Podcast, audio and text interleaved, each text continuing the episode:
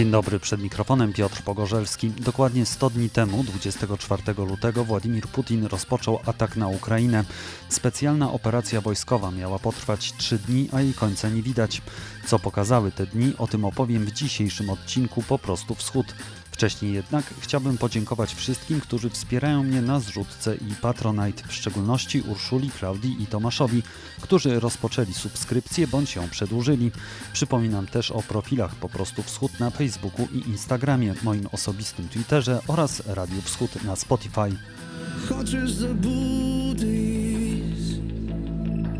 To sylikat ma, zgadujesz luty, a domu 24, 31, 24, 02 Вічності стане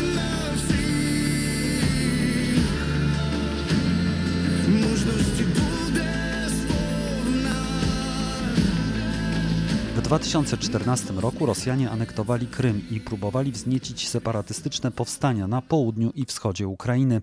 Udało się to tylko częściowo. Utworzono wówczas dwie samozwańcze republiki, Doniecką i Ługańską, które zajmowały mniej niż jedną trzecią tych obwodów. Kontrolowani przez Moskwę separatyści uznają całe terytorium obwodów za swoje. Tak zwane republiki istniały przez 8 lat tylko dzięki wsparciu finansowemu i militarnemu Rosji, ale ich państwowość Moskwa uznała dopiero dopiero 21 lutego tego roku, na trzy dni przed wojną, którą Putin i władze określają jako specjalną operację wojskową. Rano rosyjski prezydent ogłosił jej rozpoczęcie. Oficjalnie celem miała być demilitaryzacja i denazyfikacja Ukrainy. Według Kremla w Kijowie rządzili naziści, a Ukraińcy mieli się dopuszczać ludobójstwa w Zagłębiu Donieckim. Było to jedno z wielu kłamstw Rosji, nie poparte żadnymi wiarygodnymi wiarygodnymi danymi. Nawet te oficjalnie przedstawiane przez samozwańcze władze w Doniecku czy Ługańsku nie potwierdzały takich zarzutów.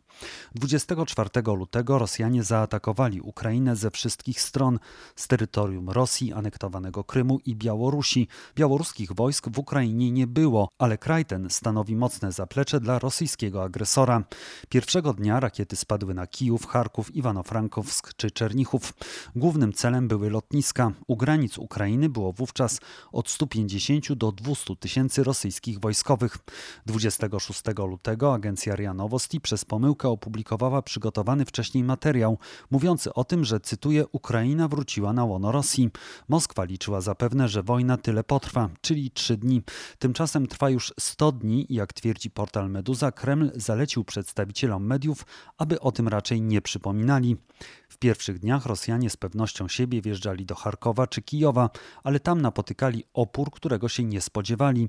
Można odnieść wrażenie, że atakowali nie realną Ukrainę, a wizerunek Ukrainy, który sami stworzyli jako państwa upadłego, failed state, ze skorumpowaną władzą, która marzy tylko o własnym bogactwie i w momencie, gdy poczuje zagrożenie, ucieknie. W dodatku Kreml był przekonany, że mieszkańcy wschodu i południa Ukrainy będą witać rosyjskich żołnierzy z kwiatami. Stało się dokładnie odwrotnie. Prezydent Wołodymyr Zełenski nie uciekł z Kijowa, a Ukraińcy stawili opór i dzielnie bronią się do dziś. Drodzy moi Ukraińcy, jak obiecałem, znów się z wami łączę. Będę co godzinę przekazywać wam aktualną, wiarygodną informację. Teraz nas atakują nie tylko bomby, ale i fejki. Ważne, aby otrzymać prawdę z oficjalnych źródeł. Dzisiaj Rosja rozpoczęła inwazję na Ukrainę. Putin rozpoczął wojnę z Ukrainą, z całym demokratycznym światem. Chce zniszczyć moje państwo, nasze państwo. Nie przeszkodziło to rosyjskiej propagandzie mówić o tym, że Ukraińcy się nie bronią, a władze już dawno uciekły z kraju. Prezydent regularnie nagrywał filmy, pokazywał, że jest na miejscu, apelował do Zachodu o zdecydowane działania, nie tylko sankcje, ale też broń. Kijów żądał przy tym od NATO zamknięcia nieba nad Ukrainą, tak aby naruszenie ukraińskiej przestrzeni powietrznej spotkało się z odpowiedzią militarną sojuszu. NATO jednak ten nie chciał się zgodzić. Zwykli Ukraińcy apelowali z kolei do Rosjan, aby ci się opamiętali. Gwiazdki ukraińskie ukraińskiego show biznesu, przez lata zarabiające krocie na występach w Rosji, teraz płakały do kamer swoich smartfonów i zwracały się do fanów, aby wpłynęli oni jakoś na rosyjskie władze.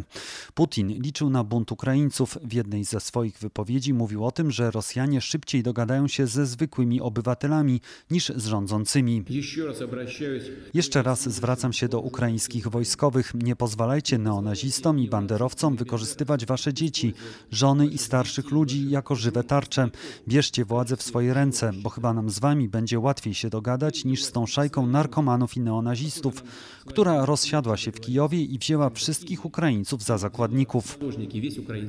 Nic z tego. W pierwszych dniach poparcie dla działań prezydenta Ukrainy sięgnęło 91%. Ukraińcy, jak zresztą nie pierwszy raz w najnowszej historii, zmobilizowali swoje siły do granic możliwości. Główne kanały telewizyjne zaczęły nadawać wspólny program informacyjny, działający 24 godziny na dobę. Zdarza się do dziś, że dziennikarze prowadzą antenę ze schronu. Przekaz jest jeden, a przedstawiciele władz nie tracą czasu na odpowiadanie na to same pytanie w każdej z telewizji. Właściwie od początku nie było poczucia chaosu, że nikt nie wie co robić. Nie było też tak ogromnej liczby fake newsów, które przenikałyby do ukraińskiej przestrzeni informacyjnej. Szczepienie z 2014 roku, gdy rosyjskie media opowiadały cuda o chłopcu przybitym przez Ukraińców do tablicy ogłoszeniowej w Słowiańsku, przyniosło efekty. Powstało też całe pospolite ruszenie zajmujące się przygotowywaniem memów ośmieszających rosyjską armię. Fraza stała się jednym z haseł tej wojny, a rosyjski flagowy okręt Moskwa, pod adresem którego ukraińska służba graniczna wypowiedziała te słowa, rzeczywiście poszedł w połowie kwietnia w zadanym kierunku, po tym jak został ostrzelany ukraińskimi rakietami. Zachowania Rosjan z głębokiej prowincji, którzy kradli co się da z ukraińskich domów, też były przedmiotem wielu żartów.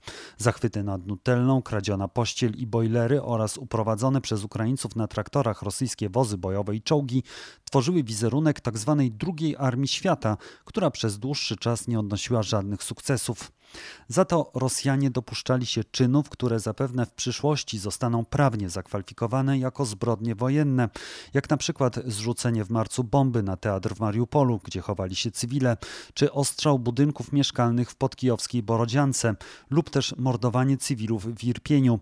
O tych ostatnich wydarzeniach stało się głośno w kwietniu, po tym jak pod koniec marca Rosjanie wycofali się spod stolicy, zdając sobie sprawę, że nie są w stanie jej zdobyć. Okupanci opuścili też obwody żytomierski, czernichowski i sumski. Skupili się przy tym na działaniach w Zagłębiu Donieckim, czyli tzw. Tak bitwie o Donbas. Udało im się zdobyć Mariupol za cenę całkowitego zniszczenia miasta. Broniący się na terytorium zakładów Azowstal Ukraińcy złożyli broń i oddali się w ręce Rosjan. 2,5 tysiąca żołnierzy zostanie prawdopodobnie wymienionych na rosyjskich jeńców. W Rosji pojawiły się jednak pomysły, aby utworzyć specjalny trybunał i sądzić wojskowych. Nie wiadomo za zatem, czy Moskwa dotrzyma słowa. Zdobycie Mariupola to chyba najważniejsze dotychczasowe zwycięstwo Rosjan, którzy mogą się chwalić, że całkowicie kontrolują Morze Azowskie. Spośród miast obwodowych udało im się opanować jedynie Hersoń. Trwają walki o Siewierodonieck, gdzie znajdowała się siedziba ługańskich władz obwodowych. Ogółem, według danych przedstawionych przez prezydenta Wołodymyra Zełenskiego, Rosjanie kontrolują obecnie 125 tysięcy kilometrów kwadratowych, czyli jedną piątą terytorium Ukrainy. Cały obwód hersoński, niemal całość Ługańskiego oraz części Zaporowskiego i Donieckiego. Na początku wojny było to 43 tysiące kilometrów, mniej niż 7% terytorium Ukrainy. Rosjanie w czasie działań zbrojnych weszli do 3600 miejscowości, wyszli z ponad 1000, pod ich kontrolą jest ponad 2600. Kijów twierdzi, że w walkach zginęło niemal 31 tysięcy rosyjskich żołnierzy i ta liczba wydaje się zawyżona ale jeśli przyjąć, że słowa prezydenta są zgodne z prawdą i dziennie ginie od 60 do 100 Ukraińców, to przyjmując najwyższą liczbę zginęło już 10 tysięcy ukraińskich żołnierzy. Wówczas liczba ofiar wśród Rosjan wydaje się całkiem realna, bowiem jak twierdzą eksperci wojskowi, atakujący zawsze mają większe straty od broniących się. Należy przy tym zauważyć, że Moskwa wysyła na front mieszkańców najbiedniejszych regionów. Wśród zabitych jest bardzo dużo osób z Burjacji i Dagestanu, niewykształconych, dla których kariera w armii była jedyną możliwą. Z kolei po stronie ukraińskiej jest dużo ochotników, ludzi wykształconych, którzy mają już jakieś osiągnięcia w dziedzinie nauki, kultury czy sportu. W dodatku wojna zmusiła ponad 6 milionów Ukraińców do opuszczenia swojego kraju. Większość wyjechała do Polski, część już wróciła do domów. Jednak są tacy, którzy po prostu nie mają dokąd wracać. Wielu straciło swoje domy bądź znalazły się one na terytoriach okupowanych. Ukraińcy nie byliby w stanie tak mocno stawiać opór Rosjanom, gdyby nie pomoc międzynarodowa, przede wszystkim wojskowa. Niemal od razu po rozpoczęciu inwazji potępiły ją kraje europejskie, w tym Polska, a także Stany Zjednoczone i Kanada. Za deklaracjami poszła także broń. Już 25 lutego pierwsza pomoc popłynęła z Polski, dzień później z Czech, a potem z Holandii i innych krajów. 26 kwietnia w bazie Ramstein w Niemczech 40 państw zadeklarowało pomoc wojskową. Po wielu tygodniach wahań i kluczenia taką decyzję podjął nawet Berlin. Główną siłą są tu jednak Stany Zjednoczone. Pod koniec kwietnia uchwalono ustawę o Lend-Lease dla Ukrainy, która umożliwia znacznie szybsze przekazywanie pomocy. Także Izrael w końcu zadeklarował większe wsparcie dla Kijowa, po tym jak minister spraw zagranicznych Siergiej Ławrow w jednym z wywiadów powiedział, że w Ukrainie panuje nazizm, ponieważ największymi antysemitami są Żydzi. Za te słowa według Tel Awiwu przeprosił później Władimir Putin. Duże znaczenie miały też wizyty zagranicznych delegacji w Kijowie w czasie wojny. Pierwsza odbyła się jeszcze w połowie marca. Stolicę odwiedzili wówczas premierzy Polski, Czech i Słowenii. Później do Kijowa przyjeżdżali przedstawiciele władz Stanów Zjednoczonych, Unii Europejskiej, Wielkiej Brytanii i innych państw. Prezydent Andrzej Duda występował w Radzie Najwyższej w drugiej połowie maja. Rosyjscy najeźdźcy nie złamali was. Nie udało im się to. I wierzę w to głęboko, że nigdy im się to nie uda. 28 lutego prezydent Wołodymyr Zeleński podpisał wniosek o członkostwo Ukrainy w Unii Europejskiej. Za ciosem poszły też Mołdawia i Gruzja. Obydwa państwa nie wsparły jednak Kijowa sankcjami, a istnieje duże prawdopodobieństwo, że granicząca z Rosją Gruzja stanie się terenem przerzutowym towarów, które zostały objęte sankcjami, a które chcą kupować rosyjscy konsumenci, a są oni pozbawiani kolejnych dóbr. Sankcje nakładane na Rosję, wbrew deklaracjom Kremla, znacznie pogarszają bowiem sytuację gospodarczą. Kolejne zachodnie firmy opuszczają ten kraj. Ogółem mówi się o co najmniej 300. Nie ma mowy o nowych inwestycjach. Są kłopoty z utrzymaniem produkcji, ponieważ nawet w produktach, które oficjalnie są rosyjskiej marki, nie brakuje części importowanych. Rosyjskie samoloty nie mogą latać w przestrzeni powietrznej Unii Europejskiej i Stanów Zjednoczonych oraz Kanady. Piloci tracą pracę. Z powodu agresji zawieszono też uruchomienie gazociągu Nord Stream 2. Poszczególne kraje rezygnują z importu surowców naturalnych z Rosji, bądź też nie zgadzają się na płatność w rublach. Z rosyjskich kin zniknęły amerykańskie i europejskie filmy. Jeszcze w grudniu Moskwa stawiała warunki Zachodowi, żądając m.in., aby Kijów i NATO zagwarantowały, że Ukraina nigdy nie będzie członkiem tego sojuszu. Moskwa żądała też de facto wycofania dodatkowych wojsk ze wschodniej flanki NATO, uznając, nie wiadomo na jakiej podstawie, że ma prawo decydować o przyszłości nie tylko państw byłego Związku Radzieckiego, ale też całego bloku wschodniego, w tym Polski. W wyniku rosyjskiej agresji stało się dokładnie odwrotnie. Państwa NATO nie tylko pomagają Ukrainie bronią, ale też wzmacnia się wschodnia flanka sojuszu, a Finlandia i Szwecja złożyły wnioski o członkostwo w tej organizacji. Dość lojalne stanowisko wobec Moskwy zachowują Chińczycy, ale też nie jest tak, że całkowicie wypełniają lukę, która powstała po wyjściu z rosyjskiego rynku zachodnich firm. Pekin obawia się bowiem, że jego firmy zostaną objęte sankcjami za współpracę z Moskwą. 2 czerwca osiągnięto porozumienie co do szóstego pakietu unijnych sankcji, które obejmują dostawy ropy i odcięcie rosyjskiego Zbierbanku od SWIFT-u. Były one opóźniane przez obecnie głównego sojusznika Putina w Europie, Viktora Orbana. To dzięki zabiegom węgierskiego premiera z listy sankcyjnej został wykreślony przywódca rosyjskiej cerkwi prawosławnej Cyryl. Jego sytuacja i tak nie jest dobra, ponieważ wsparcie duchownego dla Putina i wojny sprawiło, że stoimy na progu nowego podziału w ukraińskim prawosławiu. Pod koniec maja podległa Moskwie ukraińska cerkiew prawosławna wypowiedziała posłuszeństwo Cyrylowi. Już od początku wojny wielu księży tego kościoła nie wspominało Rosjanina w czasie nabożeństw lub przechodziło do autokefalicznej prawosławnej cerkwi Ukrainy. Kierowana w Ukrainie przez metropolitę Onufrego gałąź tej cerkwi zdecydowanie skrytykowała wojnę, Rosję i zaangażowała się w pomoc ukraińskiej armii. Zaangażowane w takie działania są też kościoły rzymsko- i grecko-katolicki. Stanowisko papieża Franciszka spotyka się w Ukrainie jednak z ogromną krytyką za brak zdecydowanego potępienia działań Putina. Z ukraińskiego życia politycznego, które niemal zamarło po 24 lutego, zniknęły prorosyjskie ugrupowania. Ich działalność została zakazana w drugiej połowie marca, choć nawet przed wprowadzeniem zakazu politycy sympatyzujący Moskwie zamilkli po tym, jak Władimir Putin rozpoczął wielką wojnę. W wyniku tego Rosja straciła też znaczną część swoich wpływów w Ukrainie nie tylko w religii czy polityce, ale także w kulturze.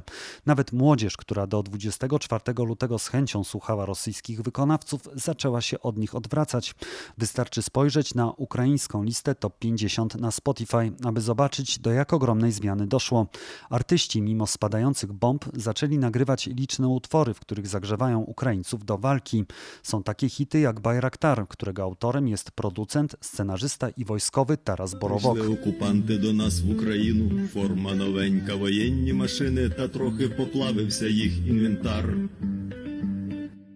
aeractar W Ukrainie demontowane są pomniki związane z rosyjską kulturą. Znikają nazwy ulic i stacji metra związane z Rosją czy Białorusią. Ukraińskie księgarnie zerwały współpracę z rosyjskimi wydawnictwami. Osoby dotąd rosyjskojęzyczne przechodzą na ukraiński. W tym ostatnim pojawiło się też wiele pogardliwych określeń Rosji i Rosjan, jak Rusnia czy raszyści. Nagminne jest też pisanie małą literą nazwy państwa Rosja czy nazwisk rosyjskich polityków, jak Putin czy Ławrow. Podobna praktyka była stosowana po wojnie w Polsce co do Niemców. Na początku wojny stosowano też wiele wulgaryzmów, nawet w mediach. Z czasem ta praktyka jednak zniknęła. W Rosji z kolei wzmocniono cenzurę, ograniczono dostęp do niezależnych mediów, a nawet w ostatnich dniach do serwisów VPN. Wprowadzono odpowiedzialność karną za dyskredytację armii, przy czym może ona polegać nawet na wyjściu z plakatem z hasłem Nie dla wojny. Oficjalnie jest to bowiem specjalna operacja wojskowa.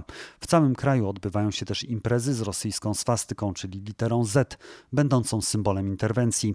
Wróciły także czerwone flagi i sztandary z Wielkiej Wojny Ojczyźnianej. Rosja wróciła mentalnie do czasów sprzed 1945 roku. Najgorsze, że zdjęcia ze zniszczonego Mariupola czy Siewierodoniecka przypominają te z tych samych czasów i zniszczonej przez faszystów Europy. Podsumowując, w ciągu 100 dni wojny Władimir Putin osiągnął jedynie niewielkie sukcesy. Owszem, Rosjanie mają lądowy korytarz łączący Rosję właściwą z anektowanym Krymem oraz zajęli niemal cały obwód ługański.